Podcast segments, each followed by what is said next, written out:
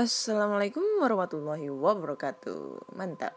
Selamat datang di podcast kisah horor.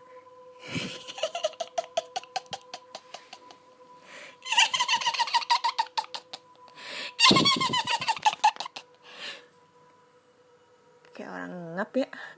Kayak orang, aduh ketawanya nggak nggak asik banget deh. Oke masih berjumpa dengan Ana di sini yang akan membacakan cerita horor ataupun uh, email berhantu yang sudah dikirimkan teman-teman melalui podcast kisah horor at gmail.com ataupun di DM Instagram podcast kisah horor dan DM Instagram Ana Olive. Hmm, uh, malam Jumat pada ke mana ya? Ini malam Jumat apa sih ini? Aku nggak ngerti deh. Malam Jumat Kliwon apa enggak? Di Surabaya tuh hawanya panas banget gerah pokoknya bisa ngebayangin musimnya orang sakit juga ya karena pergantian musim mau pergantian musim dari musim panas ke musim kemarau ke musim penghujan. So bagi kalian yang mungkin melakukan aktivitas di luar mungkin bekerja ataupun mungkin main ataupun ya pokoknya semuanya harus jaga kesehatan, jaga stamina, jangan lupa minum vitamin, jangan lupa banyak minum air putih juga supaya nggak nggak sakit ya. Apalagi sekarang lagi masih bang masih banyak banget yang kena covid. Di Surabaya udah kena zona merah lagi. Jadi ya stay safe. Kalau nggak ada kepentingan nggak usah keluar rumah jangan lupa pakai masker. Dan jangan lupa ke mana-mana pakai bawa hand sanitizer. Oke? Okay?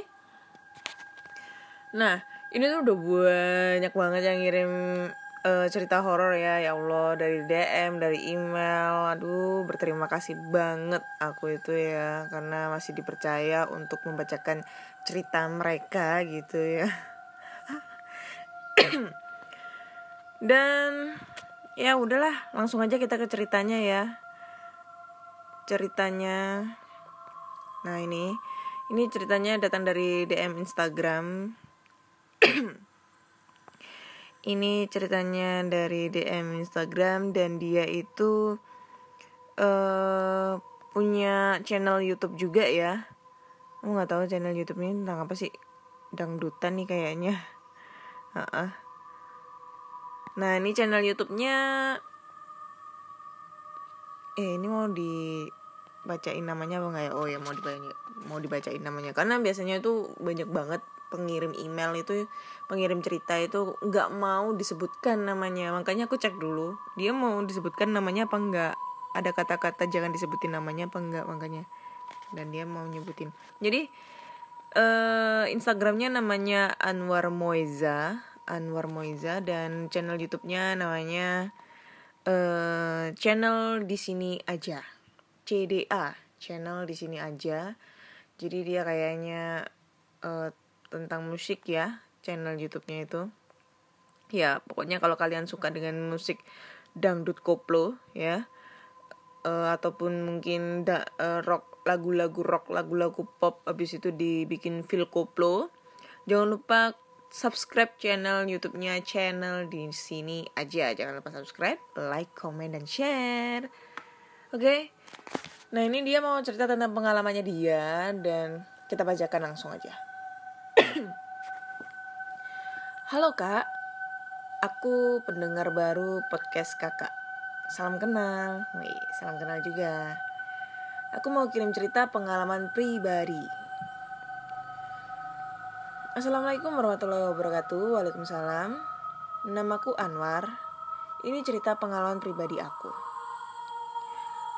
Aku dulu sedang magang di salah satu stasiun televisi swasta sebagai asisten produksi.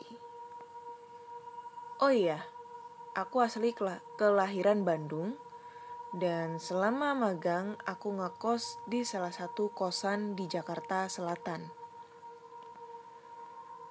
Di saat masa magangku mau berakhir, aku sempat ditugaskan program lainnya yang bertemakan acara horor.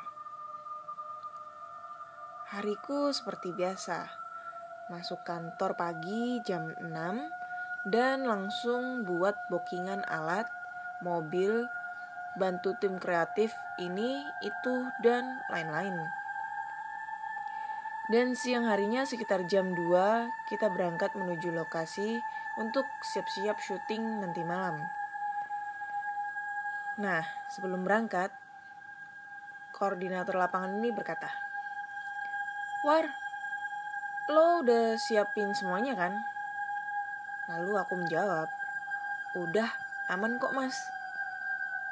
Terus asisten proses, asisten produser itu ngomong, War, cek jadwal bintang tamu deh. Coba hubungi lagi. Siap, Mbak. Aku jawab gitu deh. Terus senior produser nanya lagi nih. War, lo udah riset tentang lokasinya? Terus aku jawab, belum mbak, sekarang aku riset sambil jalan. Bego banget sih lo. Lo kerja dari pagi ngapain mulu? Riset gitu aja gak becus. Wih, galak, galak ini ya. Senior produsernya dia tuh galak gitu kan. Kalau aku mah udah aku bejek-bejek. Terus Mas Anwar ini bilang, iya mbak, maaf, ini lagi riset kok. Nah, seniornya berkata, pokoknya harus akurat ya, jangan sampai melenceng informasinya. Siap, mbak, jawab aku dengan tegas. Mentang-mentang produser senior senior galak amat sih. Udah galak gak pernah raktir jomblo lagi. Yang harusnya riset kan kreatif bukan gue.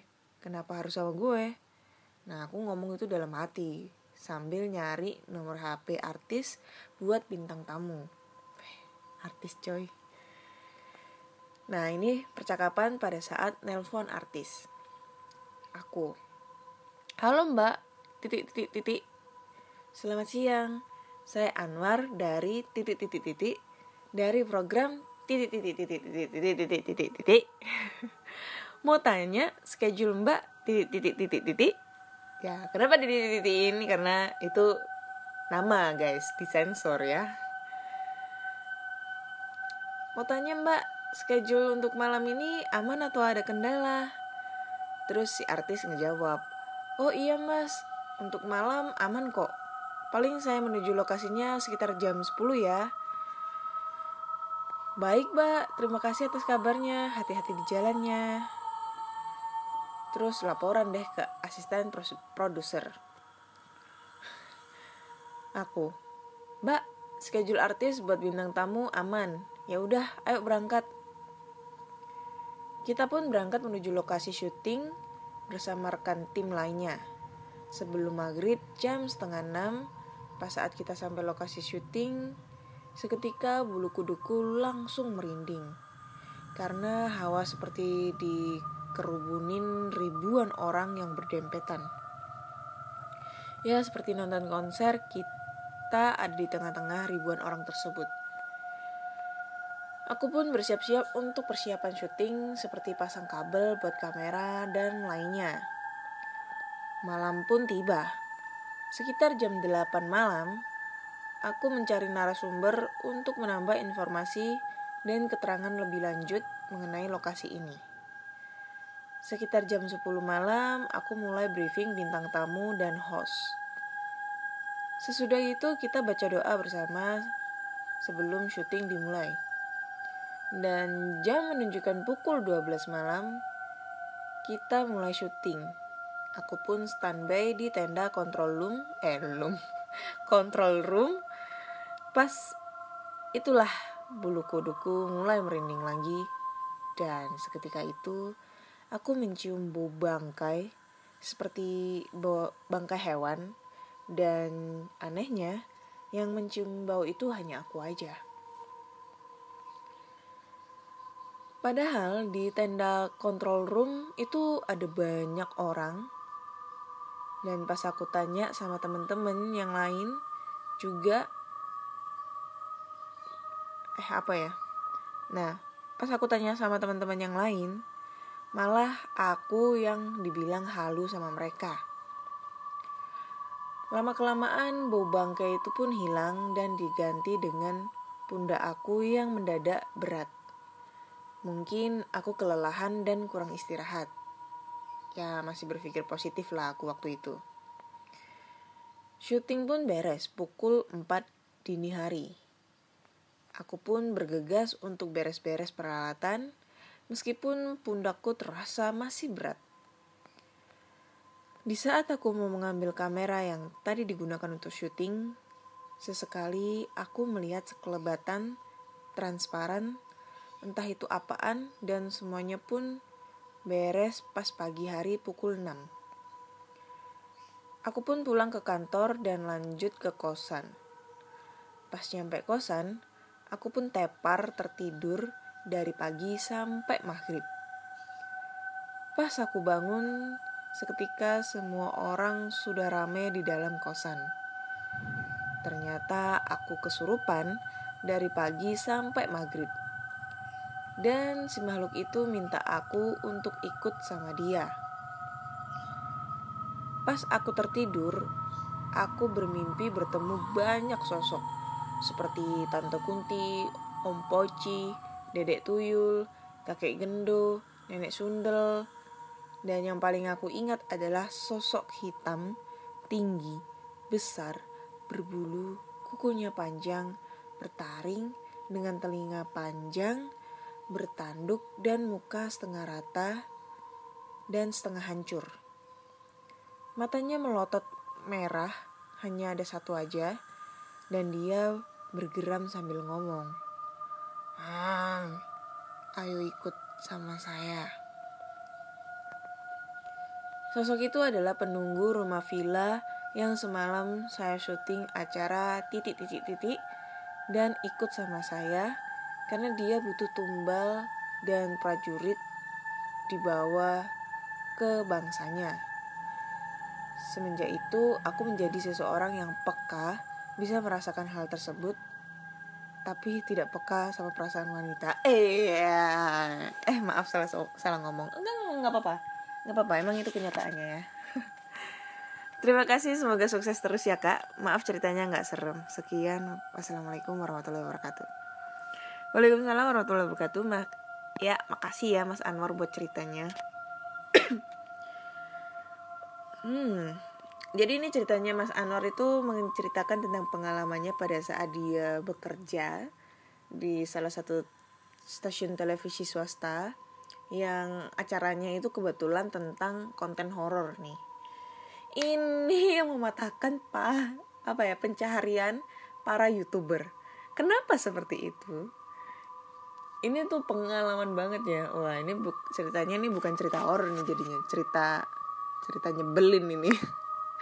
ya kenapa nggak nyebelinnya? Di saat ini contoh ya aku itu pengen explore di lokasi A ya kan? Nah lokasi A ini tadinya itu tidak ada yang jaga bisa dimasuki gitu kan ya nggak pakai duit gitulah ibaratnya ya. Nah tertunda nih aku explore di posisi A eh posisi lokasi A ya kan? Kemudian nggak taunya tiba-tiba ada salah satu televisi swasta yang kontennya horor itu tuh syuting di situ. Dan akhirnya eh, penduduk di sana itu pasang tarif dong ya kan? Karena biasanya kalau dibikin syuting kan pasti dia izin ke RT RW gitu kan dan pasti pasang tarif. Dan pasang tarifnya itu nggak main-main bisa sampai 5 sampai 10 juta. Gila kan? Ya kan? Dan alhasil setelah mereka syuting di situ uh, ada yang memasang tarif, itu lokasi dijaga dong sama penjaganya dan jadi setiap ada youtuber yang mau ke sana akhirnya pasang tarif dengan harga yang mungkin bisa dibawa dengan penyewa uh, dari stasiun televisi ya tapi ya tetap aja kita bayar itu bisa ratusan ribu sampai jutaan coy itu yang membuat mematahkan para pencarian youtuber miskin kayak aku ya hmm. dan juga mungkin ini villanya terbilang angker dan tidak ada kayak acara mungkin ritual bukan ritual ya dalam arti meminta izin gitu ya meminta izin supaya kita itu um, membuat suatu acara di situ ya kan?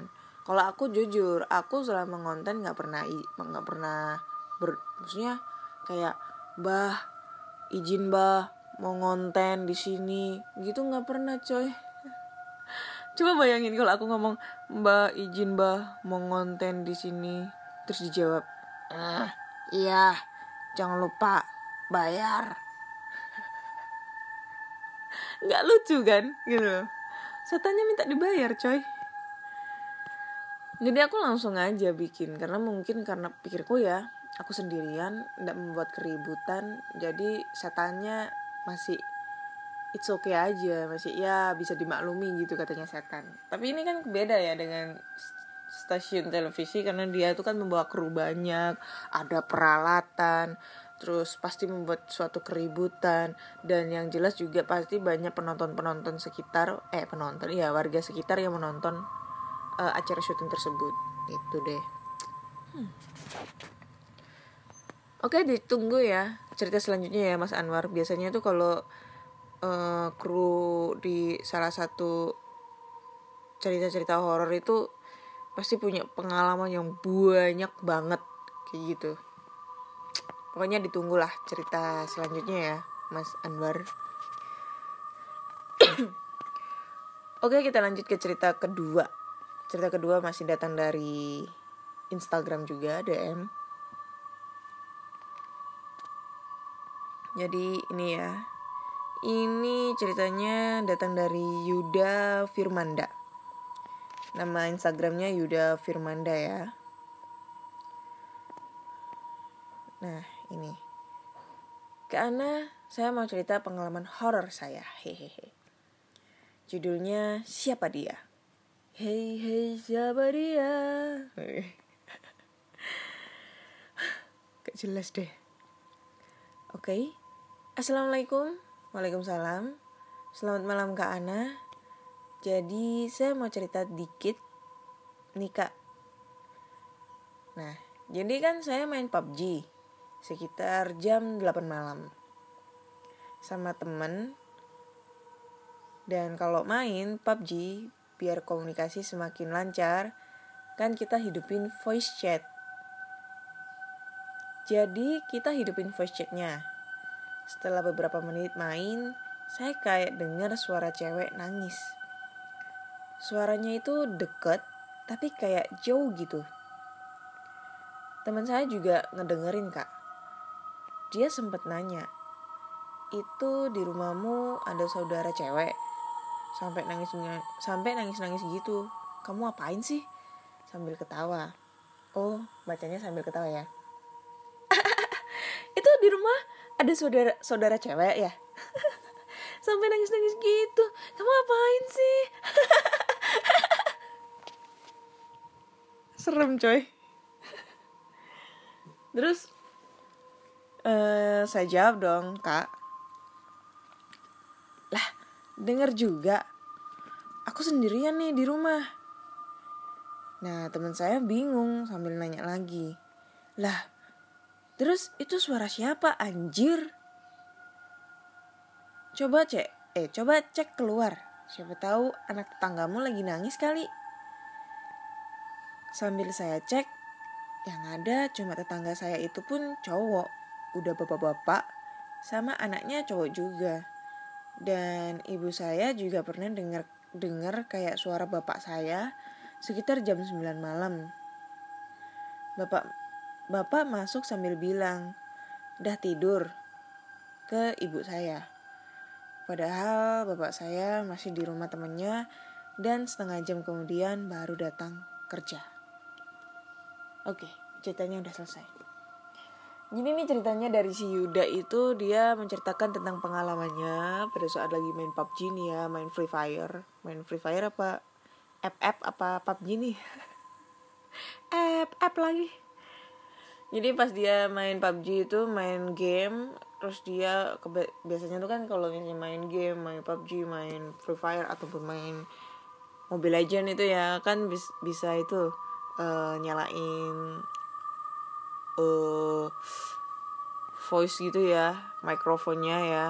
Nah pada saat mereka nyalain mikrofon tiba-tiba itu mereka berdua itu kayak ngedenger suara cewek nangis gitu di rumahnya si Yuda. Jadi ya di rumahnya si Yuda.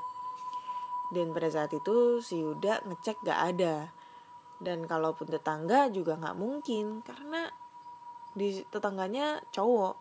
Dan anaknya juga cowok sedangkan yang nangis cewek gitu. Nah ini sih kalau aku yang ngebayangin lumayan coy.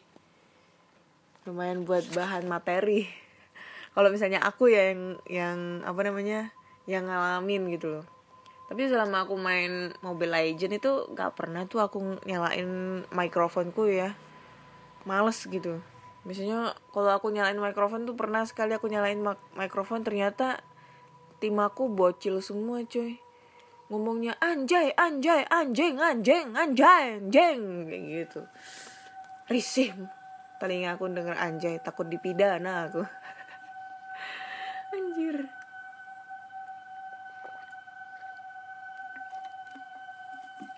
Aduh haus coy. Oke terima kasih ya mas Yuda buat ceritanya. Hmm, serem. Kurang ya kurang greget gitu kan tapi ya kita patut apresiasi ya buat mereka yang udah kirim-kirim cerita Oke lanjut kita ke cerita selanjutnya yang datang dari email Coba ya kita cek email Nah ini cek email, cek email. Oke, kita cek email. Ini datang dari ya. Apa ini? Oke ya, aku bacakan aja ya. Jadi aku apresiasi ya, walaupun cuma tiga baris doang ceritanya, tapi kita harus membacakan ya sebagai konten kreator yang bertanggung jawab. Oke, ini cerita datang dari di email. Selamat malam Kak Ana. Aku mau bercerita nih pengalaman aku. Mohon maaf kalau cerita aku kependekan. Mulai ya. Aku lagi jalan-jalan keliling kota pada malam hari. Tiba-tiba aja aku nggak sengaja menyalakan lampu depan mobil. Pada malam hari di tempat angker. Penunggu tempat itu sangat marah dan menculik kita semua ke tempat, ke pulau terpencil, dan kita bingung mau pulang bagaimana.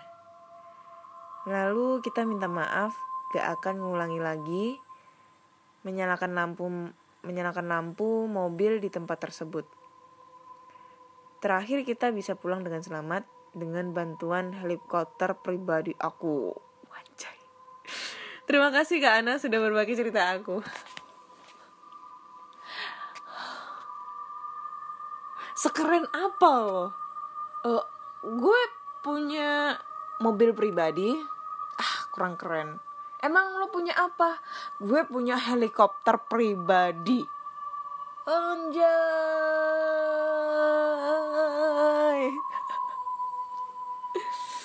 Aduh. Ceritanya oke okay. ya dia jadi ceritanya tuh dia lagi jalan-jalan gitu kan naik mobil terus pada waktu itu dia nggak sengaja nyalakan lampu depan mobil ya itu hal yang wajar gitu. Lo nyalain lampu depan ya karena posisinya udah malam jalan juga nggak kelihatan. Terus kalau emang lu jalan dan gak nyalain lampu emang kelihatan gitu jalannya. Yang ada malah takutnya terjadi suatu hal yang tidak diinginkan kecelakaan gitu kan. Karena mobil depannya itu nggak bisa ngeliat. Kak ngeliat mobil lu gitu kan dan dia nyalainnya di tempat angker. Nah tempat angkernya itu di mana coba gitu ya? Terus penunggunya tuh marah. Oi, ngapain lu nyalain lampu? Anjay. Gitu kan. Abis itu mereka diculik nih. Lalu aku diculik ke sebuah pulau terpencil.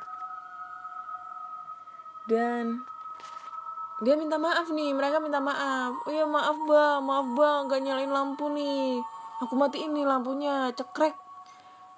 Terus tiba-tiba mereka selamat dengan bantuan bantuan helikopter pribadi. Terlalu berimajinasi. Ya jujur ya jujur ya. Aku bukan berasud bukan maksud untuk menghujat ini cerita. Enggak. Ini imajinasinya buset. Gede banget gitu loh tinggi banget imajinasinya. Aku tidak bisa berkata apa-apa lagi gitu. Pusing aku. Oke daripada stres kita lanjut ke cerita berikutnya ya. Takut aku mau hujat aku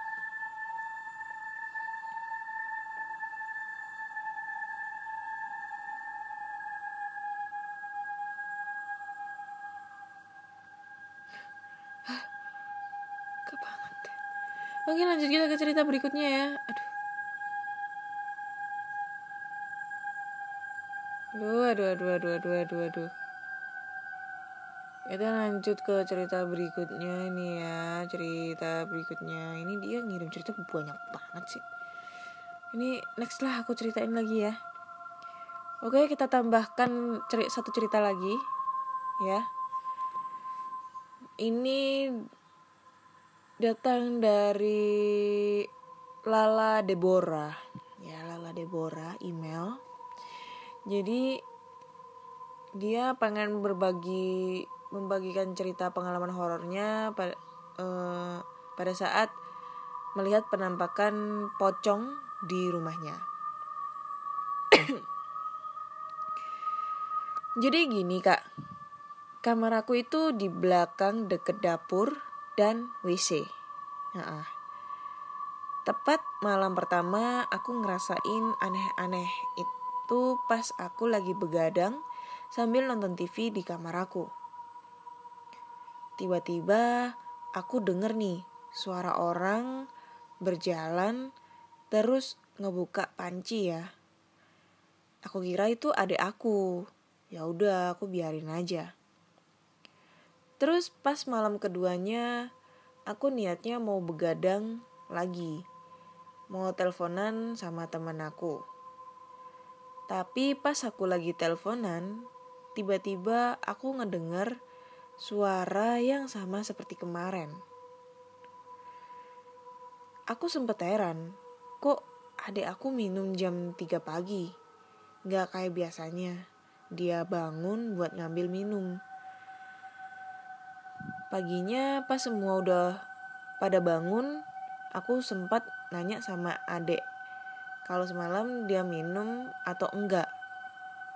Tapi dia malah jawab, enggak, aku aja tidur nyenyak banget malah. Semakin penasaran nih aku sama bunyi-bunyi itu, tepat jam 3 pagi aku belum juga tidur. Karena penasaran sama gituan gitu-gituan. Apaan tuh gitu-gituan? Jadi pas bunyi suara-suara itu aku ngintip dari kamar. Eh ternyata itu bukan adik aku tapi pocong. Pas aku ngeliat gituan aku langsung tutup pintu kamar dan aku langsung tidur. Dari situ aku jadi pemberani banget. Mm. lu jadi pemberani karena habis ngeliat setan melihat pocong. Ya itu hal yang wajar sih ya. Tapi jangan sampai abis ngeliat pocong kamu jadi berani ngelawan orang tua berani ngelawan ya berani berantem berani sekarang segala segalanya lah. Gak baik gitu ya. Kalau berani lihat setan gak apa-apa. Kalau berani untuk ngelawan orang tua ah durhaka nanti kamu nak. Ya jangan itu Oke lah, kita tambah lagi satu cerita ya karena tiga cerita ini ceritanya sangat pendek. Kurang lebih aku ngebacanya itu ada nggak sampai lima menit. Weh, apa ini?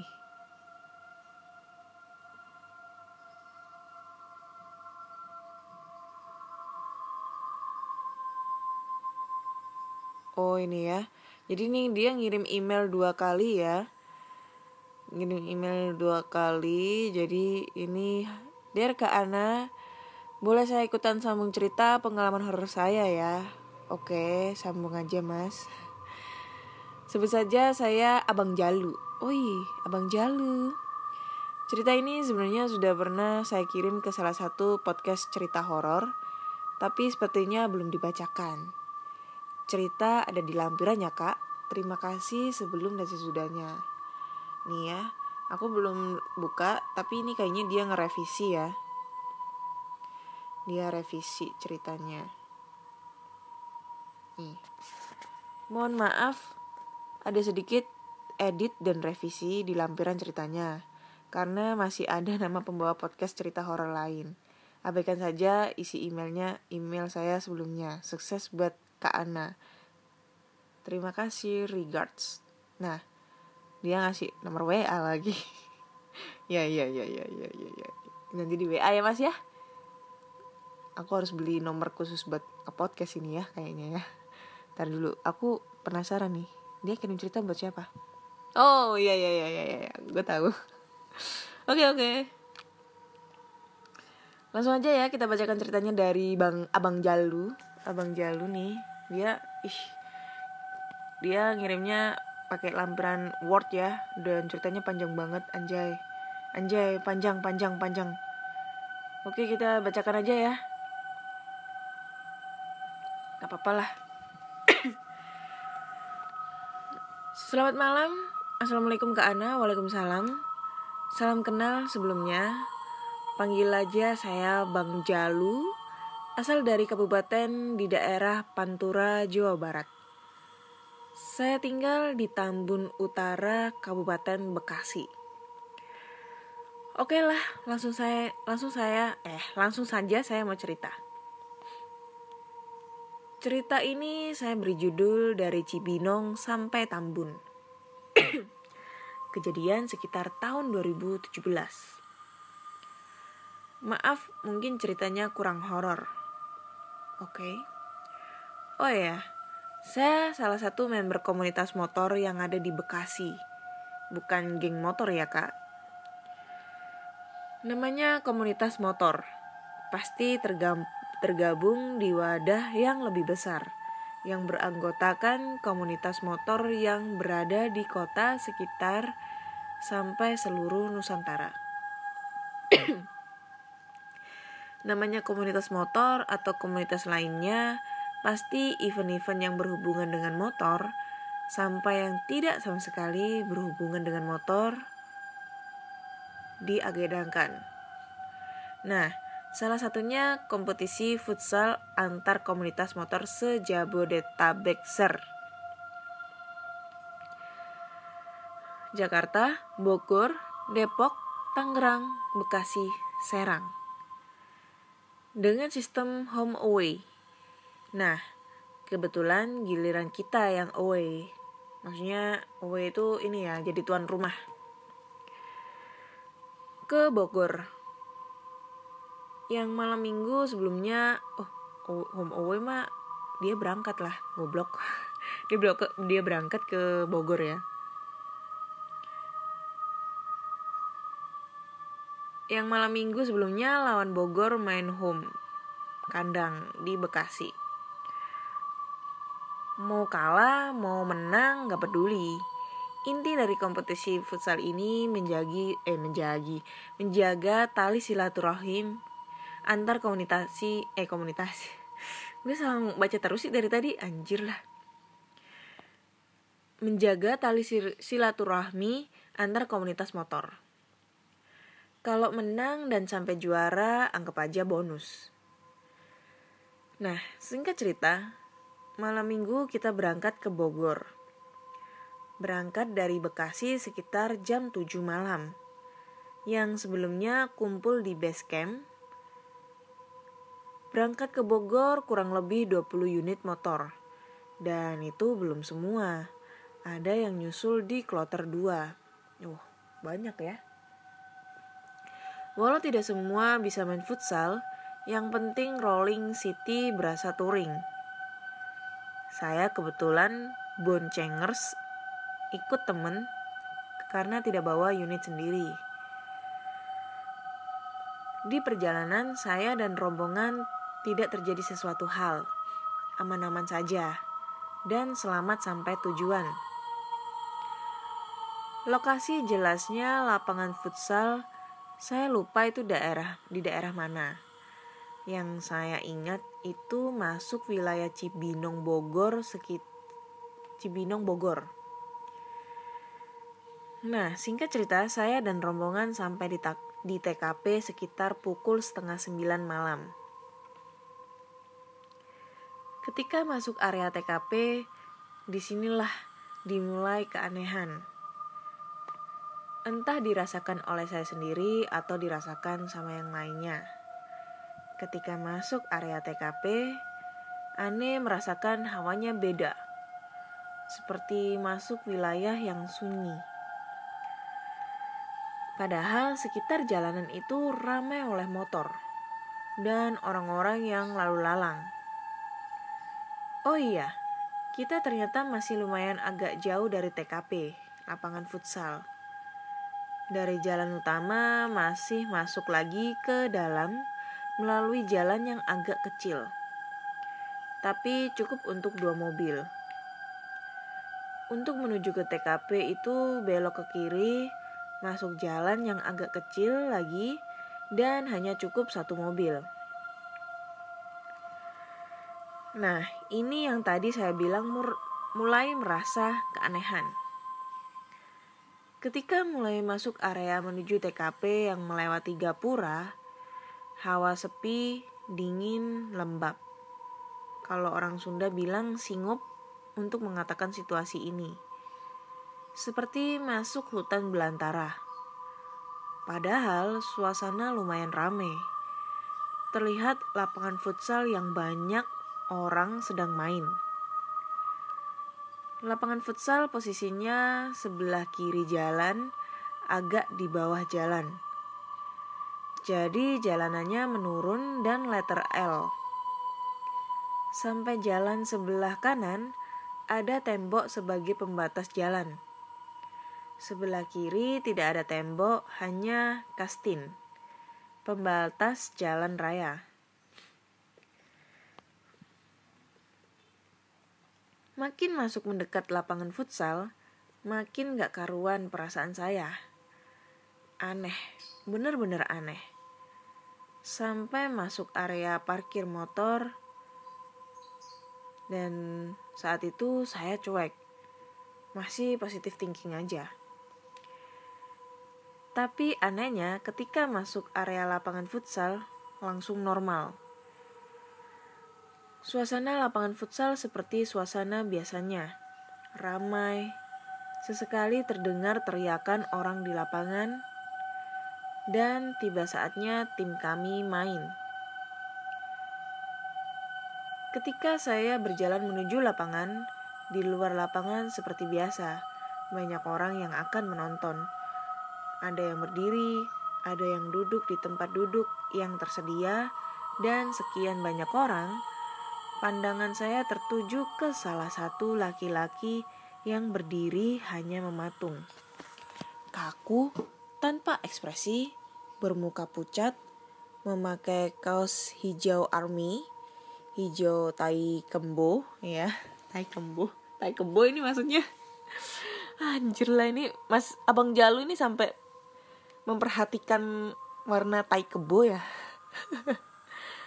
Berjalan, bercelana jeans biru donker pandangan lurus ke arah lapangan yang masih kosong dan ada pula seorang wanita memakai baju tidur setelan warna putih motif bunga berdiri jauh di sudut luar lapangan. Sama seperti laki-laki yang sebelumnya saya lihat tanpa ekspresi, pucat, melihat ke arah lapangan yang masih kosong, dan terlihat aneh memang. Tapi saya tak mau berpikir aneh-aneh. Fokus ke arah, eh fokus. Fokus sama pertandingan yang akan kami mainkan. Oke, okay, singkat. Jadi kema jadi Mas Abang Jalu ini dia ini ya posisi lapangan futsalnya aku jelaskan sedikit ya posisi lapangan futsalnya ini dia tuh kayak merasakan di luar lapangan futsal itu maksudnya jauh dari lapangan futsal itu uh, suasana kayak sepi nggak ada kayak nggak ada kehidupan. Tapi sebenarnya tuh di luar di sekitar situ tuh ada jalan raya dan pasti rame dengan suara lalang motor gitu ya kendaraan. Tapi mas abang Jalu itu kayak ngerasainnya tuh sepi gitu loh. Tapi pas masuk di area lapangan futsal suasana suasananya itu kembali rame normal kayak biasanya gitu ya. Terus dia melihat dua sosok yang aneh menurut dia laki-laki dan perempuan. Oke kita lanjut ke ceritanya. Singkat cerita kami dan tim lawan sudah siap bertanding. Tapi terlintas dalam pikiran saya menoleh ke arah luar lapangan ke posisi laki-laki dan wanita yang saya lihat aneh tadi. Ternyata tidak ada. Padahal hanya beberapa menit setelah saya masuk lapangan. Ah, sudahlah, mungkin sudah pindah posisi atau ke mana gitu. Singkat cerita, tim kami bertanding. Dan hasilnya tim kami menang dengan skor 7-3. Seperti biasa, selesai pertandingan kami ngumpul untuk istirahat dan bergantian ke kamar mandi untuk bersih-bersih dan ganti pakaian. Sambil ngobrol membahas pertandingan tadi, saya melihat teman saya bengong. Sebut saja namanya Arif. Saya tegur lah. Hei Rif, jangan bengong lah. Iya bang, gue lemes banget nih, jawab Arif. Yaudah sana gabung sama yang lain, ngobrol kek. Kalau mau pesen teh manis, anget, pesen aja. Nanti tinggal dihitung bareng sama air minum yang tadi, jawab saya.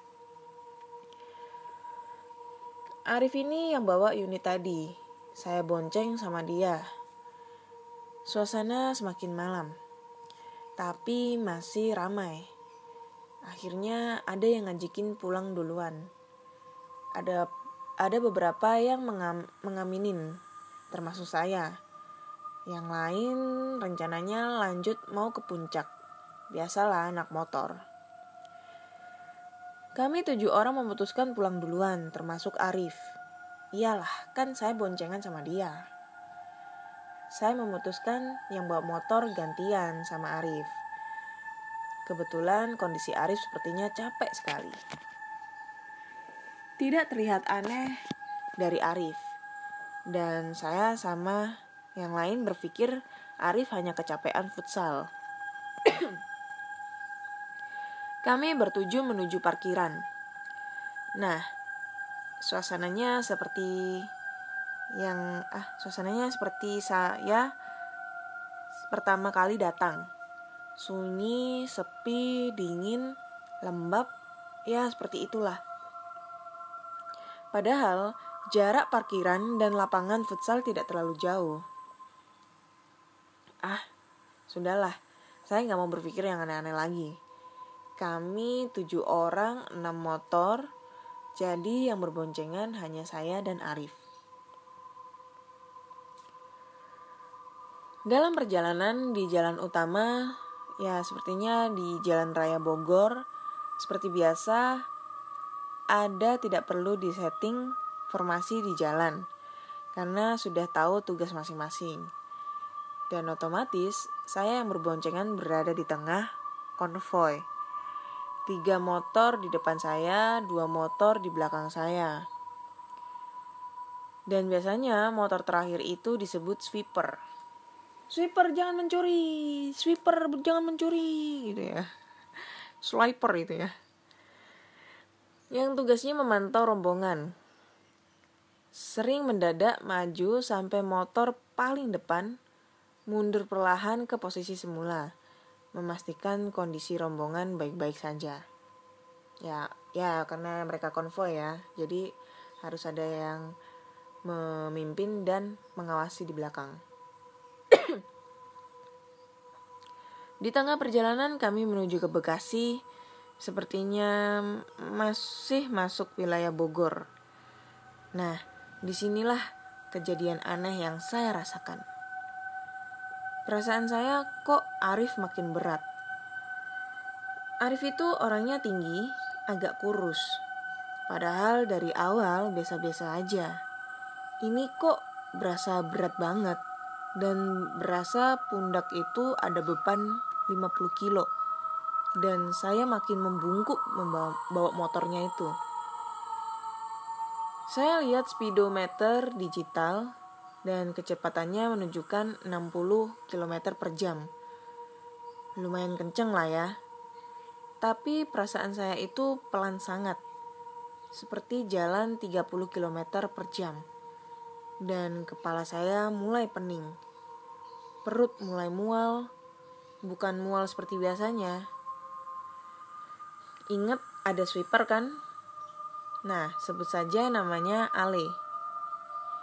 Bang Ale ini mungkin sudah sadar ada yang aneh pada saya dan teman saya yang persis di belakang motor saya juga dari tadi klakson dan ngebim terus.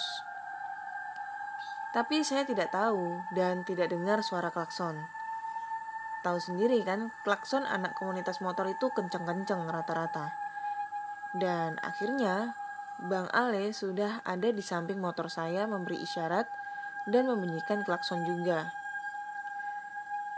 Baru saya sadar itu juga sambil nyolek tangan kanan saya. Dan Bang Ale ngegas ngegas menuju motor paling depan di rombongan kami. Tujuannya untuk memberitahu ada kondisi yang tidak baik di rombongan dan memperlambat laju motor mereka. Akhirnya, saya memutuskan untuk rest atau menepi karena saya sudah tidak kuat menahan berat di pundak dan makin pening dan mual. Semua rombongan akhirnya berhenti. Bang Ale menghampiri saya dan bertanya, Eh, lu kenapa lu? Masih kuat bawa unit nggak? Gue nggak apa-apa bang, cuma cuma kok berasa aneh aja. Pundak gue berat, berat banget. Perasaan kayak mikul beban. Kepala gue pening dan mual bang. Jawab saya. Dan akhirnya saya jackpot dong muntah maksudnya dan muntah saya itu hanya air bening dan saya memutuskan untuk pipis di pinggir jalan tidak lupa bilang numpang-numpang buyut cucu mau pipis setelah saya muntah dan pipis mual dan pening saya agak reda beban di pundak pun sedikit berkurang hmm, masuk angin lu bang Oh ya Kak Ana, tahu tidak? Sebelum saya dicolek oleh Bang Ale, katanya saya bawa motor itu oleng. Zigzag gitu deh. Yang lihat itu teman yang persis di belakang saya dan Bang Ale. Padahal, perasaan saya bawa motor itu biasa-biasa saja. Lurus hanya makin menunduk. Oh iya, setelah saya muntah dan pipis, saya melihat Arif. Nah, ini yang bikin saya heran. Saya lihat Arif itu bukan seperti Arif. Muka Arif itu tidak jelas, agak gelap gitu. Padahal kaca helm Arif itu dibuka dan helm half face yang dia yang dipakai. Half face. Oh, yang yang biasa itu ya. Ah, sudahlah. Mungkin efek kepala pening. Akhirnya saya melanjutkan perjalanan. Alhamdulillah masih kuat bawa motor. Dan akhirnya kami sampai di flyover Cijantung. Setelah melewati flyover, kami memutuskan untuk rest kembali. Mampir di pecel lele untuk sekedar pesen teh manis hangat.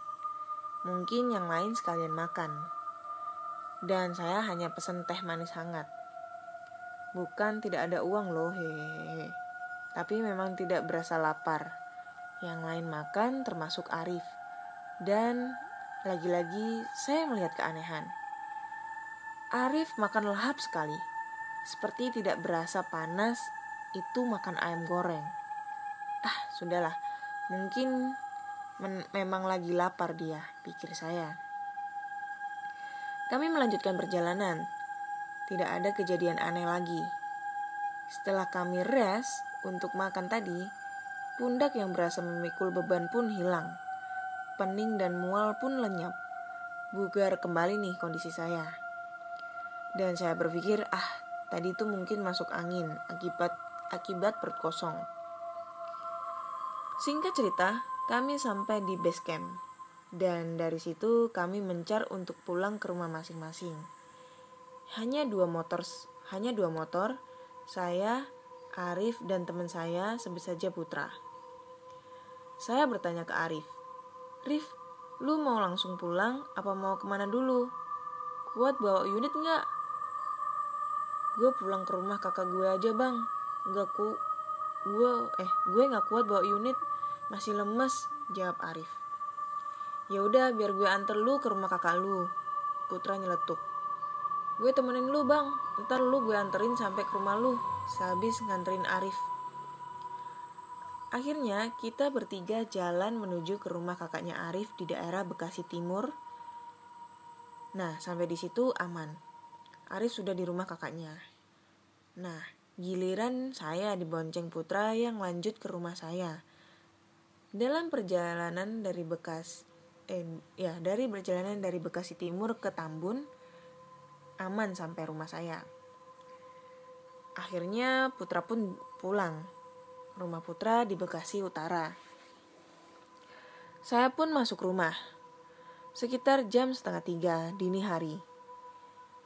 Kebiasaan di keluarga saya adalah ketika di, dari luar rumah, pasti yang dituju adalah kamar mandi untuk bersih-bersih, cuci kaki, cuci tangan, dan cuci muka.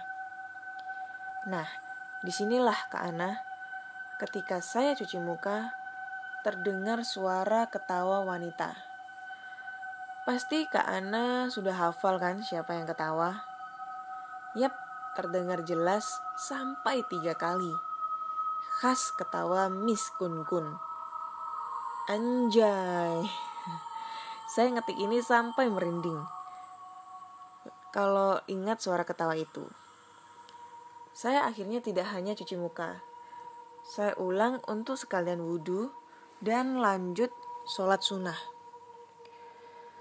Selesai sholat sunnah, saya langsung telepon Arif, memastikan keadaan Arif baik-baik saja. Alhamdulillah Arif baik-baik saja dan tidak ada kejadian yang aneh-aneh. Saya telepon, eh, saya memutuskan lanjut telepon Putra. Sebelum saya telepon Putra, ada telepon masuk, yaitu dari Bang Ali. Segera saya angkat. Ya bang, Bang Ali. Ya kenapa-napa kan lo? Enggak bang, aman. Saya belum cerita kejadian yang diketawain Miss Kun Kun. Terus Bang Ale ngejawab, jangan bohong lu, gue tahu kok lu ada yang ngikutin. Anjir, kok lu tahu bang? Tadi gue pas cuci muka ada yang ngetawain bang, suara cewek. Terus Bang Ale ngejawab, iya gue tahu kok. Pas da dari awal kita pulang sampai lu oleng di jalan, sebelum gue colek, sengaja gue gak bilang kasih tahu lu pas kita rest. Takutnya anak-anak yang lain pada parno. Makin runyam lah urusannya nanti. Akhirnya, saya ceritain semua dari awal sampai TKP ke Bang Ale. Ternyata, anjir. TKP itu sebelah kanannya adalah TPU. Dan saya tidak menyadari itu karena mungkin terhalang oleh tembok. Saya tahu dari Bang Ale, dan Bang Ale pun sebetulnya sudah menyadari ada yang aneh dari TKP. Dan yang dia rasakan sama persis apa yang saya rasakan ketika pertama masuk area TKP. Oh iya, Bang Ale ini IndiHome. Saya Indivision. Indomie coy, seleraku. Mungkin yang saya lihat laki-laki dan wanita berekspresi kaku itu salah satu penghuni TPU tersebut yang ikut ingin lihat pertandingan futsal.